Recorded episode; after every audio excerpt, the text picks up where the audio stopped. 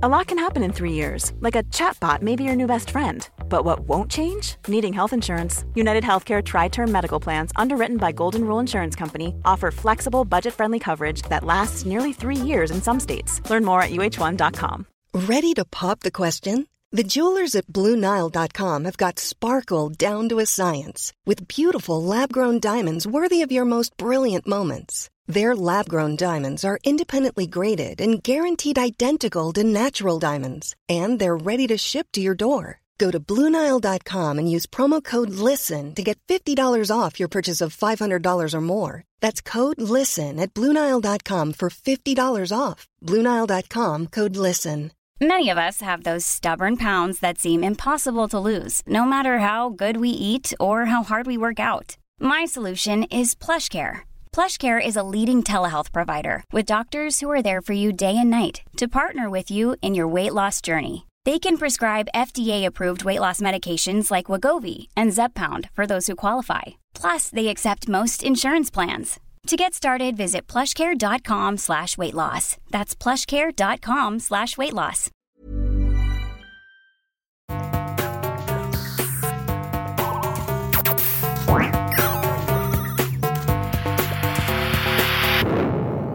Velkommen til Sinnsyn. Jeg heter Sondre Risom Livre, er psykolog, og dette er Webpsykologens podkast. Hverdagspsykologi for fagfolk og folk flest.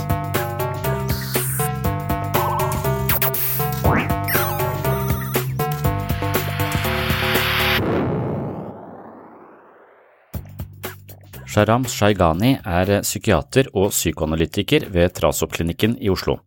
Han sier følgende om mening og meningsløshet. Jeg tror mennesket har et søk etter mening i livet sitt. Jeg tror ikke at vi er født i et liv med en slags mening som venter på oss. Vi må skape mening kontinuerlig. Hvorfor? Fordi meningsløshet tar livet av oss, i hvert fall på et psykologisk plan. I medisin, psykiatri og det psykoanalytiske møtet med mine pasienter har jeg mulighet til å skape mening med mitt liv, sammen med mine pasienter. Jeg tror ikke at det finnes et selv som står alene for seg selv, som en boks full av tanker og følelser. Jeg ser alltid på selvet som tilknytningsorientert. Vi må forholde oss til relasjoner eller fravær av relasjoner, selv om vi er selvstendige individer. Derfor påstår jeg at meningen jeg ønsker å skape, som har betydning for selvet mitt, er ikke uavhengig av andre som er i relasjon med meg. Pasientene som kommer til meg, er alltid i en eller annen livskrise og opplever meningsløshet med sitt liv. Jeg føler meg privilegert i det at jeg kan hjelpe noen av dem til å komme gjennom krisen og skape mening med livet sitt på nytt. I dette meningsskapende arbeidet finner jeg også mening med min eksistens. Jeg kjenner meg igjen i det Shaigani sier. Som psykolog er jeg opptatt av de eksistensielle sidene ved livet. Vi fødes og vi skal dø, og det som ligger mellom disse polene skal vi håndtere på best mulig måte. Vi har altså en frihet å forvalte. Vi har et liv innvevd i andres. Vi er meningsskapere på godt og vondt, og vi er kropper som igjen er en del av naturen på denne kloden. Disse sidene ved våre liv trenger også sin refleksjon og sin utforskning, og det er her den eksistensielle psykologien kommer inn. Og både som privatperson og som psykolog er disse eksistensielle elementene ekstremt viktige for meg. De eksistensielle elementene er helt avgjørende brikker i vår streben etter et liv hvor vi ikke går til grunne i meningsløshetens mørke. I denne episoden skal jeg først snakke litt om alt som påvirker oss, og hvordan ulike tanker og ideologier kan installere et fryktsomt og negativt fokus i den dialogen vi har med oss selv hver eneste dag. Frykt og selvkritikk er ingrediensene i et vanskelig liv. Jeg opplever meg selv som passe selvkritisk, og jeg er heldigvis ikke så mye redd, men jeg kan også oppleve en overveldende angst som slår meg helt ut, noe jeg skal snakke om ganske snart.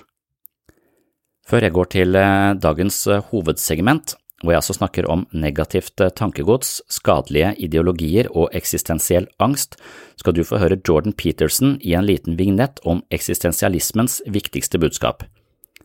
Det er smerte og vanskeligheter innbakt i våre eksistensielle grunnvilkår. Vi lever ikke evig, og vi må forsone oss med vår dødelighet. De fleste vil unngå å tenke på livets endelighet fordi det kan anstifte en ganske formidabel angst, men eksistensialismen anbefaler oss å tenke på alt det som virkelig er tungt og angstprovoserende. I denne tradisjonen heter det seg at svaret eller løsningen på dine verste frykter ligger nettopp i frykten. Du må altså oppsøke frykten for å finne en forløsning, men det er naturlig for oss mennesker å unngå denne typen konfrontasjoner, og dermed lever vi et liv på flukt fra det vi frykter mest, men også på flukt fra svaret på våre eksistensielle dilemmaer. Med andre ord, det du trenger mest, finner du der du helst ikke vil lete. Well, so what do the existentialists say? Well, it's something like in the depths of your existential terror, the wisdom to cope with that terror will be found. So that's the fundamental idea. And, and then there's, a, there's a, a more profound idea in that, which I would also say is implicit in, in psychotherapy. The more behavioral the psychotherapy, the more implicit it is. But the idea is that despite the fact that you are mismatched, that you're outmatched by, let's call it existential complexity, there's something in you that's far more complex than you know. And if you challenge it, it will respond by growing and developing, and that will not protect you against the existential anxiety. It's not like a shield or a guard that you're that you're hiding behind. It's not a defense. What happens instead is that you actually learn how to deal with it, you know. So you think about it this way one of the things that human beings are archetypally related to is fire. And of course, fire is something to be afraid of because it, it will burn you and it will burn everything down. But by the same token, when we mastered fire, which may have been two million years ago, something like that, because it looks like it was about then that we learned how to cook, which made a big difference. So, you know how chimps, I haven't told you the chimp story, I don't think. You know how chimps are sort of shaped like this? They've got this huge barrel shaped body. Well, yeah, they spend like 12 hours a day chewing leaves. And why is that? Because you go out in the forest and eat leaves and see how much you have to chew so you don't starve to death. It's like leaves aren't edible, they hardly have any nourishment at all. And so if you're a chimp, all you do is sit around and chew leaves. And then you need to have an intestinal tract that could wrap two or three times around this room so that you can digest the damn things, right? So that's chimp life.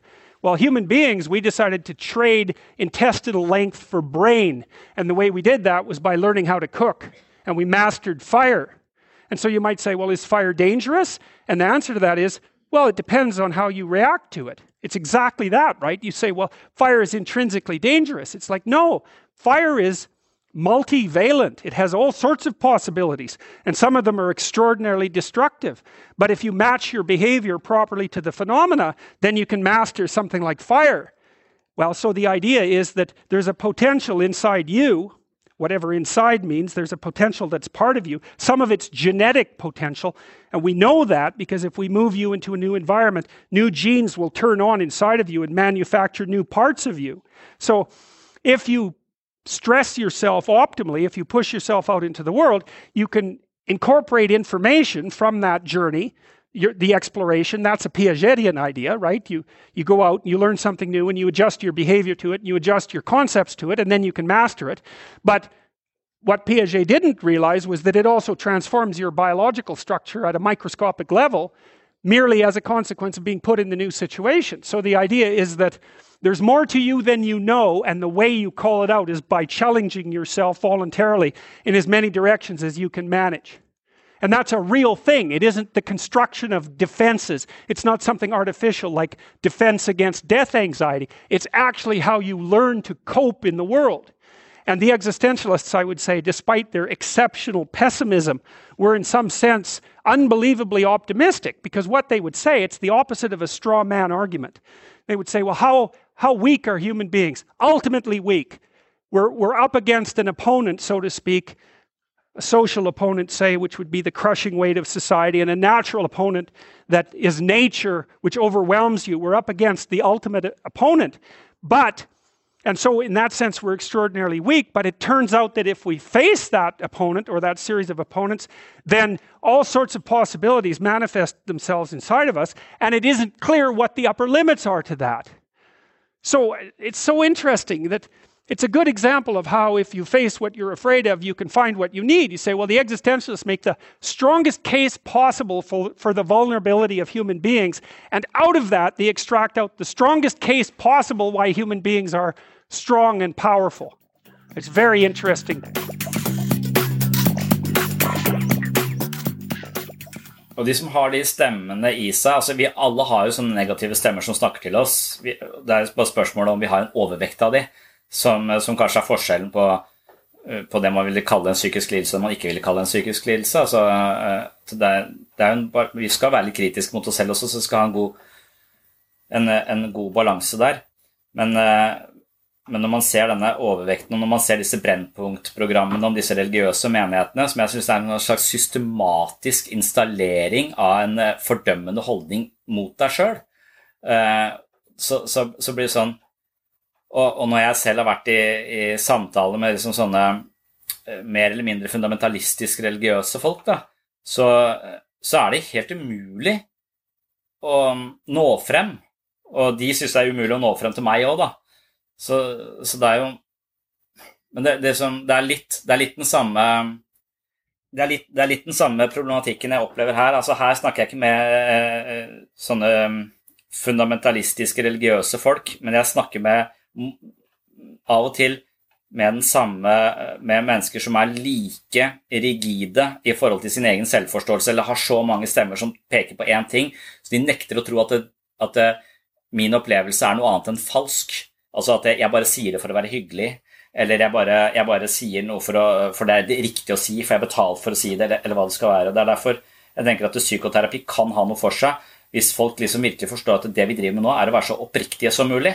Så det som kommer ut av min munn, det kan du ta liksom, det, det, mener jeg. Det er ikke sikkert det er sant, men jeg, jeg mener det. Jeg sier ikke bare for å, for å jeg, jeg, sier ikke det for å skape et avhengighetsmønster hos deg, hvor, hvor, jeg skal fungere som en sobril, hvor hver gang du har litt vondt, skal jeg komme og si et eller annet og fylle det inn i det hullet som uansett da bare blir dratt ned i dragsuget. Vi er nødt til å si ting som er ekte, for da er sjansen for at det består i, det, i den andre, mye, mye større. Og når vi selv opplever ekte relasjoner, så er det det vi liksom kan, kan ta, ta, med oss. Så og Det er derfor jeg synes det er liksom, derfor jeg blir så berørt av de der Brennpunkt-dokumentarene fra Jehova og, og, Smiths venner og alt det der. Som, fordi at det, hele, hele, ideologien rundt hvem du er og din plass i tilværelsen, er tufta på en sånn gedigen frykt om at hvis du ikke gjør dette her, så havner du i helvete, eller Armageddon, eller hvor du ikke valgt å komme videre til neste brett, eller hva slags teori De har en eller annen sånn de har liksom sånn virkelig sånn en ekstrem trussel eh, i, i bånn der. Så det å komme ut av en sånn, et sånt miljø, en sånn idé hvor alle kommer til å svikte deg hvis du går ut, altså da vil de ikke ha mer med deg å gjøre, i verste fall, i noen av de mest sekteriske virksomhetene. Så, så det, det, blir liksom i den ytre verden så tydelig på hvor vanskelig det er å forlate en ideologi. Men jeg tror det er omtrent like vanskelig da, å forlate sin egen negative holdninger til seg selv, f.eks. Altså at, eh, for at da, da, skal du plutselig begynne å tenke helt annerledes om alt. Um, og, og, da tror jeg lett uh, Lett at de som sier at ja, hvis du ikke gjør sånn som vi sier, så havner du i helvete, og sier ja, men jeg tar sjansen, så tror jeg kanskje du opplever å være i helvete en stund. For du veit jo ikke hvem du er. Du veit ikke hvordan du skal tenke nå. Altså, du faller fritt. Dette må være helvete. De hadde rett. Jeg går tilbake igjen. Fader vår, du som er himmelig. Hellige vorde ditt navn. Alle pengene dine, alt er fremstilt for Guds rike. Kom ditt rike, skje din vilje. Vår oppgave som hyrde er å holde menigheten eh, ren. Gi oss i dag vårt daglige brød. Det er ikke en plass jeg føler meg trygg. Av dem der har dyrets merke. Oss vår skyld, skyld, skyld. Amen. Hi, I'm Daniel, founder of Pretty Litter. Cats and cat owners deserve better than any old-fashioned litter. That's why I teamed up with scientists and veterinarians to create Pretty Litter. Its innovative crystal formula has superior odor control and weighs up to 80% less than clay litter. Pretty Litter even monitors health by changing colors to help detect early signs of potential illness. It's the world's smartest kitty litter. Go to prettylitter.com and use code ACAST for 20% off your first order and a free cat toy. Terms and conditions apply. See site for details. Hold up. What was that? Boring. No flavor. That was as bad as those leftovers you ate all week. Kiki Palmer here, and it's time to say hello to something fresh and guilt-free. Hello Fresh. Jazz up dinner with pecan-crusted chicken or garlic butter shrimp scampi. Now that's music to my mouth. Hello Fresh. Let's get this dinner party started. Discover all the delicious possibilities at hellofresh.com.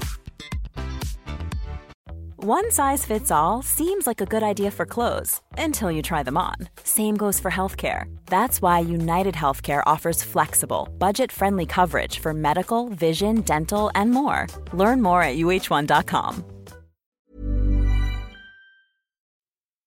Jeg personlig, når jeg så de Brennpunkt-seriene, så, så, likte jeg det jeg, lurer på, jeg husker ikke om det var det hun fra Jehovas vitne som, som satt på slutten og ikke fikk medhold i retten. Og, når, når, og, så satt hun på en måte og gråt, og hun hadde ingen. For det, alle relasjonene hennes var jo i den menigheten, og nå eneste hun hadde, var de reporterne fra Brennpunkt, på en måte. Og Det, det, det synes jeg var sånn hjerteskjærende eh, jævlig, men så likte jeg at hun sa Men jeg har fortsatt en relasjon til Gud, da. Men jeg har skjønt at den guden jeg skal ha en relasjon til, er ikke den guden som blir predikert av disse menneskene. For det er, liksom, det er disse korrupte menneskene som har sine maktbehov og sånn, som har fått lov til å diktere hvordan jeg skal tenke om dette. Men at hun fortsatt klarte å, Så du trenger liksom ikke gå helt ut av troen. Du kunne fortsatt ha en slags sånn forankring i en eller annen form, men, men du, du, den objektrelasjonen du egentlig skulle ha til Gud, da, den har blitt så korrupert og forkrøpla av alle disse eh, maktsystemene og menneskelige fellesskapene, eh, sånn at, sånn at den, den, blir så Ja, den blir så smertefull, men heldigvis tenkte jeg så hadde hun fortsatt en slags tro. Altså, Det var i hvert fall én objektrelasjon i ditt indre liv som du nå har på en måte renvasket litt for all det der korrupte faenskapet som, eh, som, andre har drevet og gravd i ditt privat... Ja, ikke sant? Alt den der jeg opplever som et nærmest som et overgrep fra, fra andre mennesker i Guds navn. da.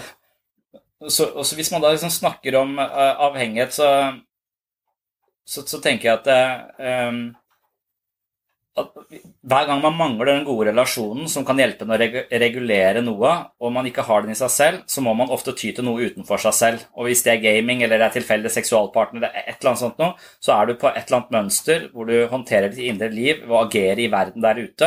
Og det er det som er avhengighetsmønsteret. Uh, og så, og så, tror jeg vi, de aller fleste kjenner det igjen. og jeg, For meg så er det veldig sånn tydelig hvor jeg mangler gode objektrelasjoner. Og i det hullet hvor jeg ikke har en objektrelasjon, så er det mulig å forsvinne inn i et svært sort hull som er fylt av angst og depresjon. Da. Og for meg så er ikke det det er ikke det mellommenneskelige. Altså, jeg har gode relasjoner i verden til andre mennesker, men jeg har ingen relasjon til noe som er større enn meg selv. Så jeg har liksom masse masse gode ja, Livet mitt er fullt av mening, for jeg føler veldig meningsfullt og og objektrelasjon er ikke bare til andre mennesker, det er til andre ting også. Det er til steder, det er til ting som på en måte kan gi meg har gitt meg gode opplevelser, fyller livet, møblerer huset med, med, med, mening, på sett og vis. Og når du har det, så føler jeg at livet er veldig meningsfullt, og jo mer meningsfullt dette livet er, jo mer meningsløst blir det å stirre ut i intetheten. Så så lenge jeg ikke har noen objektrelasjon til noe som er større enn meg selv, da, som jeg hele tiden har vært på søken etter Jeg skulle ønske at jeg kunne tro. Det er derfor jeg sannsynligvis har vært i dialog med disse religiøse folka så lenge og så mye.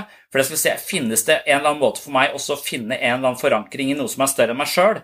Og da tror jeg kanskje naturen kan hjelpe meg til slutt. Uh, naturen eller altså, men, men, da når jeg stirrer ut i, fra min meningsfulle boble og stirrer ut i det store intet, så, så, så ble jeg kvalm. Jeg blir grepet av en sånn enorm angst da, som, som, får alt til å blekne. Altså, ingenting er jo noe, noe, vits i. Det er totalt meningsløst. Du er en fjert i et uendelig intet eh, eh, som, som, slutter hvert øyeblikk. Eh, og, og, det er liksom Den følelsen der er skrekkinnjagende. Og det er fordi jeg, liksom, jeg har ikke noe jeg har ikke noen Beck-relasjon der. Det er bare et stort sort hull. Jeg har ikke forankra meg i noe som er større, en slags åndelig overbygning på livet som jeg mistenker at man kanskje også trenger hvis man, hvis man har en tendens til å kikke ut av bobla si. Eh, men så er det mennesker som ikke kikker ut av bobla, opplever bare bobla som meningsfull. For ofte så møter jeg og sier at ja, du sier at du opplever livet som meningsløst, så føler jeg at jeg er utakknemlig. Du har barn, og du har alt. Ja, ja, jeg, jeg opplever livet som ekstremt meningsfullt. Men jeg opplever, det, altså jeg opplever at det er mening i livet, men at det selve livet, det er et eller annet tilfeldig blaff. Og det uh, setter hele dette her inn i en ramme som, uh, som tar knekken på meg. Og da er min strategi å tvinge meg ut, kikke en annen vei, eventuelt drikke whisky. Så, så det avhengighetsmønsteret er jo da mestringsstrategien, for, for den angsten er ikke mulig å bære. Den slår deg i bakken. Så i mangel av en god objektrelasjon så vil det være et stort, sort hull der som, som, uh, hvor, hvor, du suges ned, og du vil rammes av en type Ja. Og når du da har barn ikke sant, som hele tiden peker mot det hullet og så er sånn Du, oldemor er død. Hvor er oldemor? Og så Slutt å peke på det hullet. så, så, jeg må liksom, Men jeg er nødt til å bli kjent med det hullet, for, at, for barna er opptatt av det hullet, de òg. Og da fyller jeg det med Gud, jeg, altså. Oldemor er hos Jesus. Ja, men Jesus sto opp fra de døde, hvorfor kan ikke oldemor stå opp? Nei, for det er ikke så vanlig å stå opp da, vet du. Det Ja. Men det er der jeg liksom håper at det finnes en sånn Jeg kaller det en metafysisk overbygning på livet som, som er tilgjengelig, og, som, og, det finnes flere varianter. Altså, du trenger ikke å tro på en sånn dømmende gud fra en sånn Jehova-tradisjon, altså, eh, eller Armageddon. Det, er mulig å finne en eller annen form for overbygning der, da. Men jeg tror det er så vanskelig. Jeg tror det er en liksom ekstremt Hva er ånd, egentlig? Hva, så, så, så, jeg tror det er så abstrakt at jeg ikke klarer å forankre meg selv i det. Det gjør meg til en dårlig samarbeidspartner med et barn som febrilsk prøver å finne en, en sånn type objektrelasjon. Så sier jeg at kulturen vår tilbyr denne relasjonen til det store intet. Det heter kristendom, og her har du den. Dette er ideen. Så får du ha den litt, da, i hvert fall. Jeg tenker at det, så lenge ikke jeg kan håndtere dette store, sorte hullet, så har jeg ikke noe bedre å komme opp med enn en de ideene som jeg har fått uh, som er som kulturelt båret fram da, hos meg, som jeg selv har begynt å tvile på. Altså, så, så, kan det være at du i den tradisjonen kan vokse inn i det, forstå at det ikke er akkurat sånn, at kanskje at du kan vokse, at du kan få en eller annen sånn trygghet i kosmos. Uh, det håper jeg for barna mine. Og jeg veit ikke hvordan det skal gjøres, men, uh, men jeg vil ikke at de skal Ja, jeg unner ingen den følelsen, da. Eh, når man virkelig eh, er på det mørkeste og man opplever ting som totalt meningsløst. Tusen takk for at du hører på Sinnsyn. Hovedsegmentet i denne episoden var kun et eh, kort utdrag fra en lengre refleksjonsrunde omkring menneskets underliggende følelse av mangel og selvforakt som gir næring til ulike former for psykiske plager og indre uro. Vil du høre hele foredraget, kan du gå til episode 27 på Patron. Her finner du en episode som heter Alle er litt avhengige. I tillegg finner du nærmere 100 andre poster fra denne podkasten. Vil du ha mer sinnssyn hver måned, kan du altså gå til min Patron-side. Her finner du masse eksklusivt materiale. Her er det flere episoder av sinnssyn, mentale øvelser, mye videomateriale, og jeg leser bøkene mine kapittel for kapittel, slik at Patron til slutt huser lydbokversjonen av mine tre bøker. Hvis du finner verdi her på sinnssyn, vil ha mer sinnssyn hver måned og har lyst til å støtte prosjektet, slik at jeg kan holde hjula i gang her på podkasten, er et abonnement på Patron av stor betydning for eh, sinnssyn og dette prosjektet jeg har i gang her med å snakke om eh, psykologi til fagfolk og folk flest. Du kan selv eh, velge beløp per måned, og beløpet vil altså gi deg et medlemskap på mitt såkalte mentale treningsstudio. Jeg vil også benytte anledningen til å takke alle dere som allerede er Patron-supportere. Det er lyttere som dere som sørger for at lysene er på her inne på sinnssyn uke etter uke, måned etter måned, år etter år. Det er forholdsvis kostnadskrevende på mange måter å drive denne podkasten, men jeg elsker å gjøre det, og med støtte fra Patron-lyttere kan jeg prioritere sinnssyn hver eneste uke. Tusen hjertelig takk for det. Og det var det jeg hadde om eh, negativt tankegods og en underliggende eksistensiell murring for denne gang. Jeg har adressert min egen eksistensielle uro ved flere anledninger her på podkasten, og jeg har skrevet en hel bok om mitt uavklarte forhold til døden, meningen med livet, frihet og de andre gigantiske spørsmålene som alltid vil hjemsøke vår eksistens. Det er boken som heter Psykologens journal, og den er selvfølgelig tilgjengelig på webpsykologen.no sin bokhandel. Og jeg vil avslutte dagens episode med noen utsagn som oppsummerer det ubehaget jeg også i denne episoden forsøker å si noe om.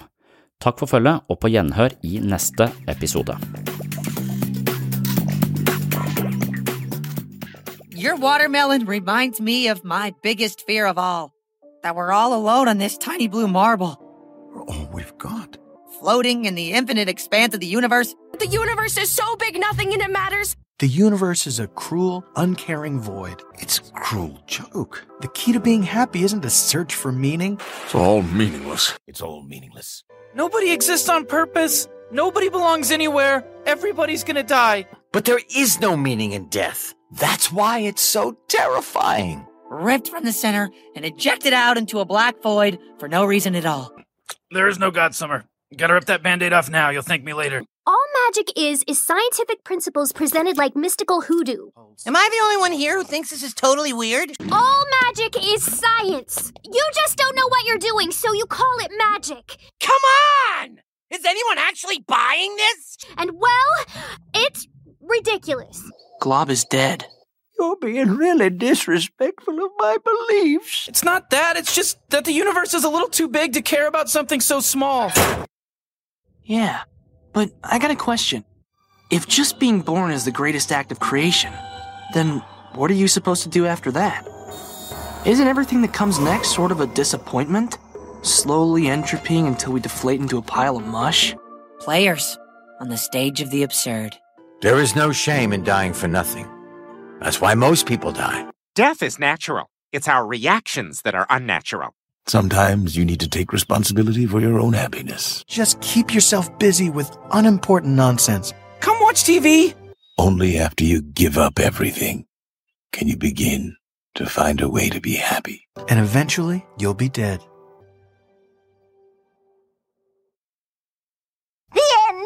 What do you guys think? Too philosophical? That was really deep. That was very close minded.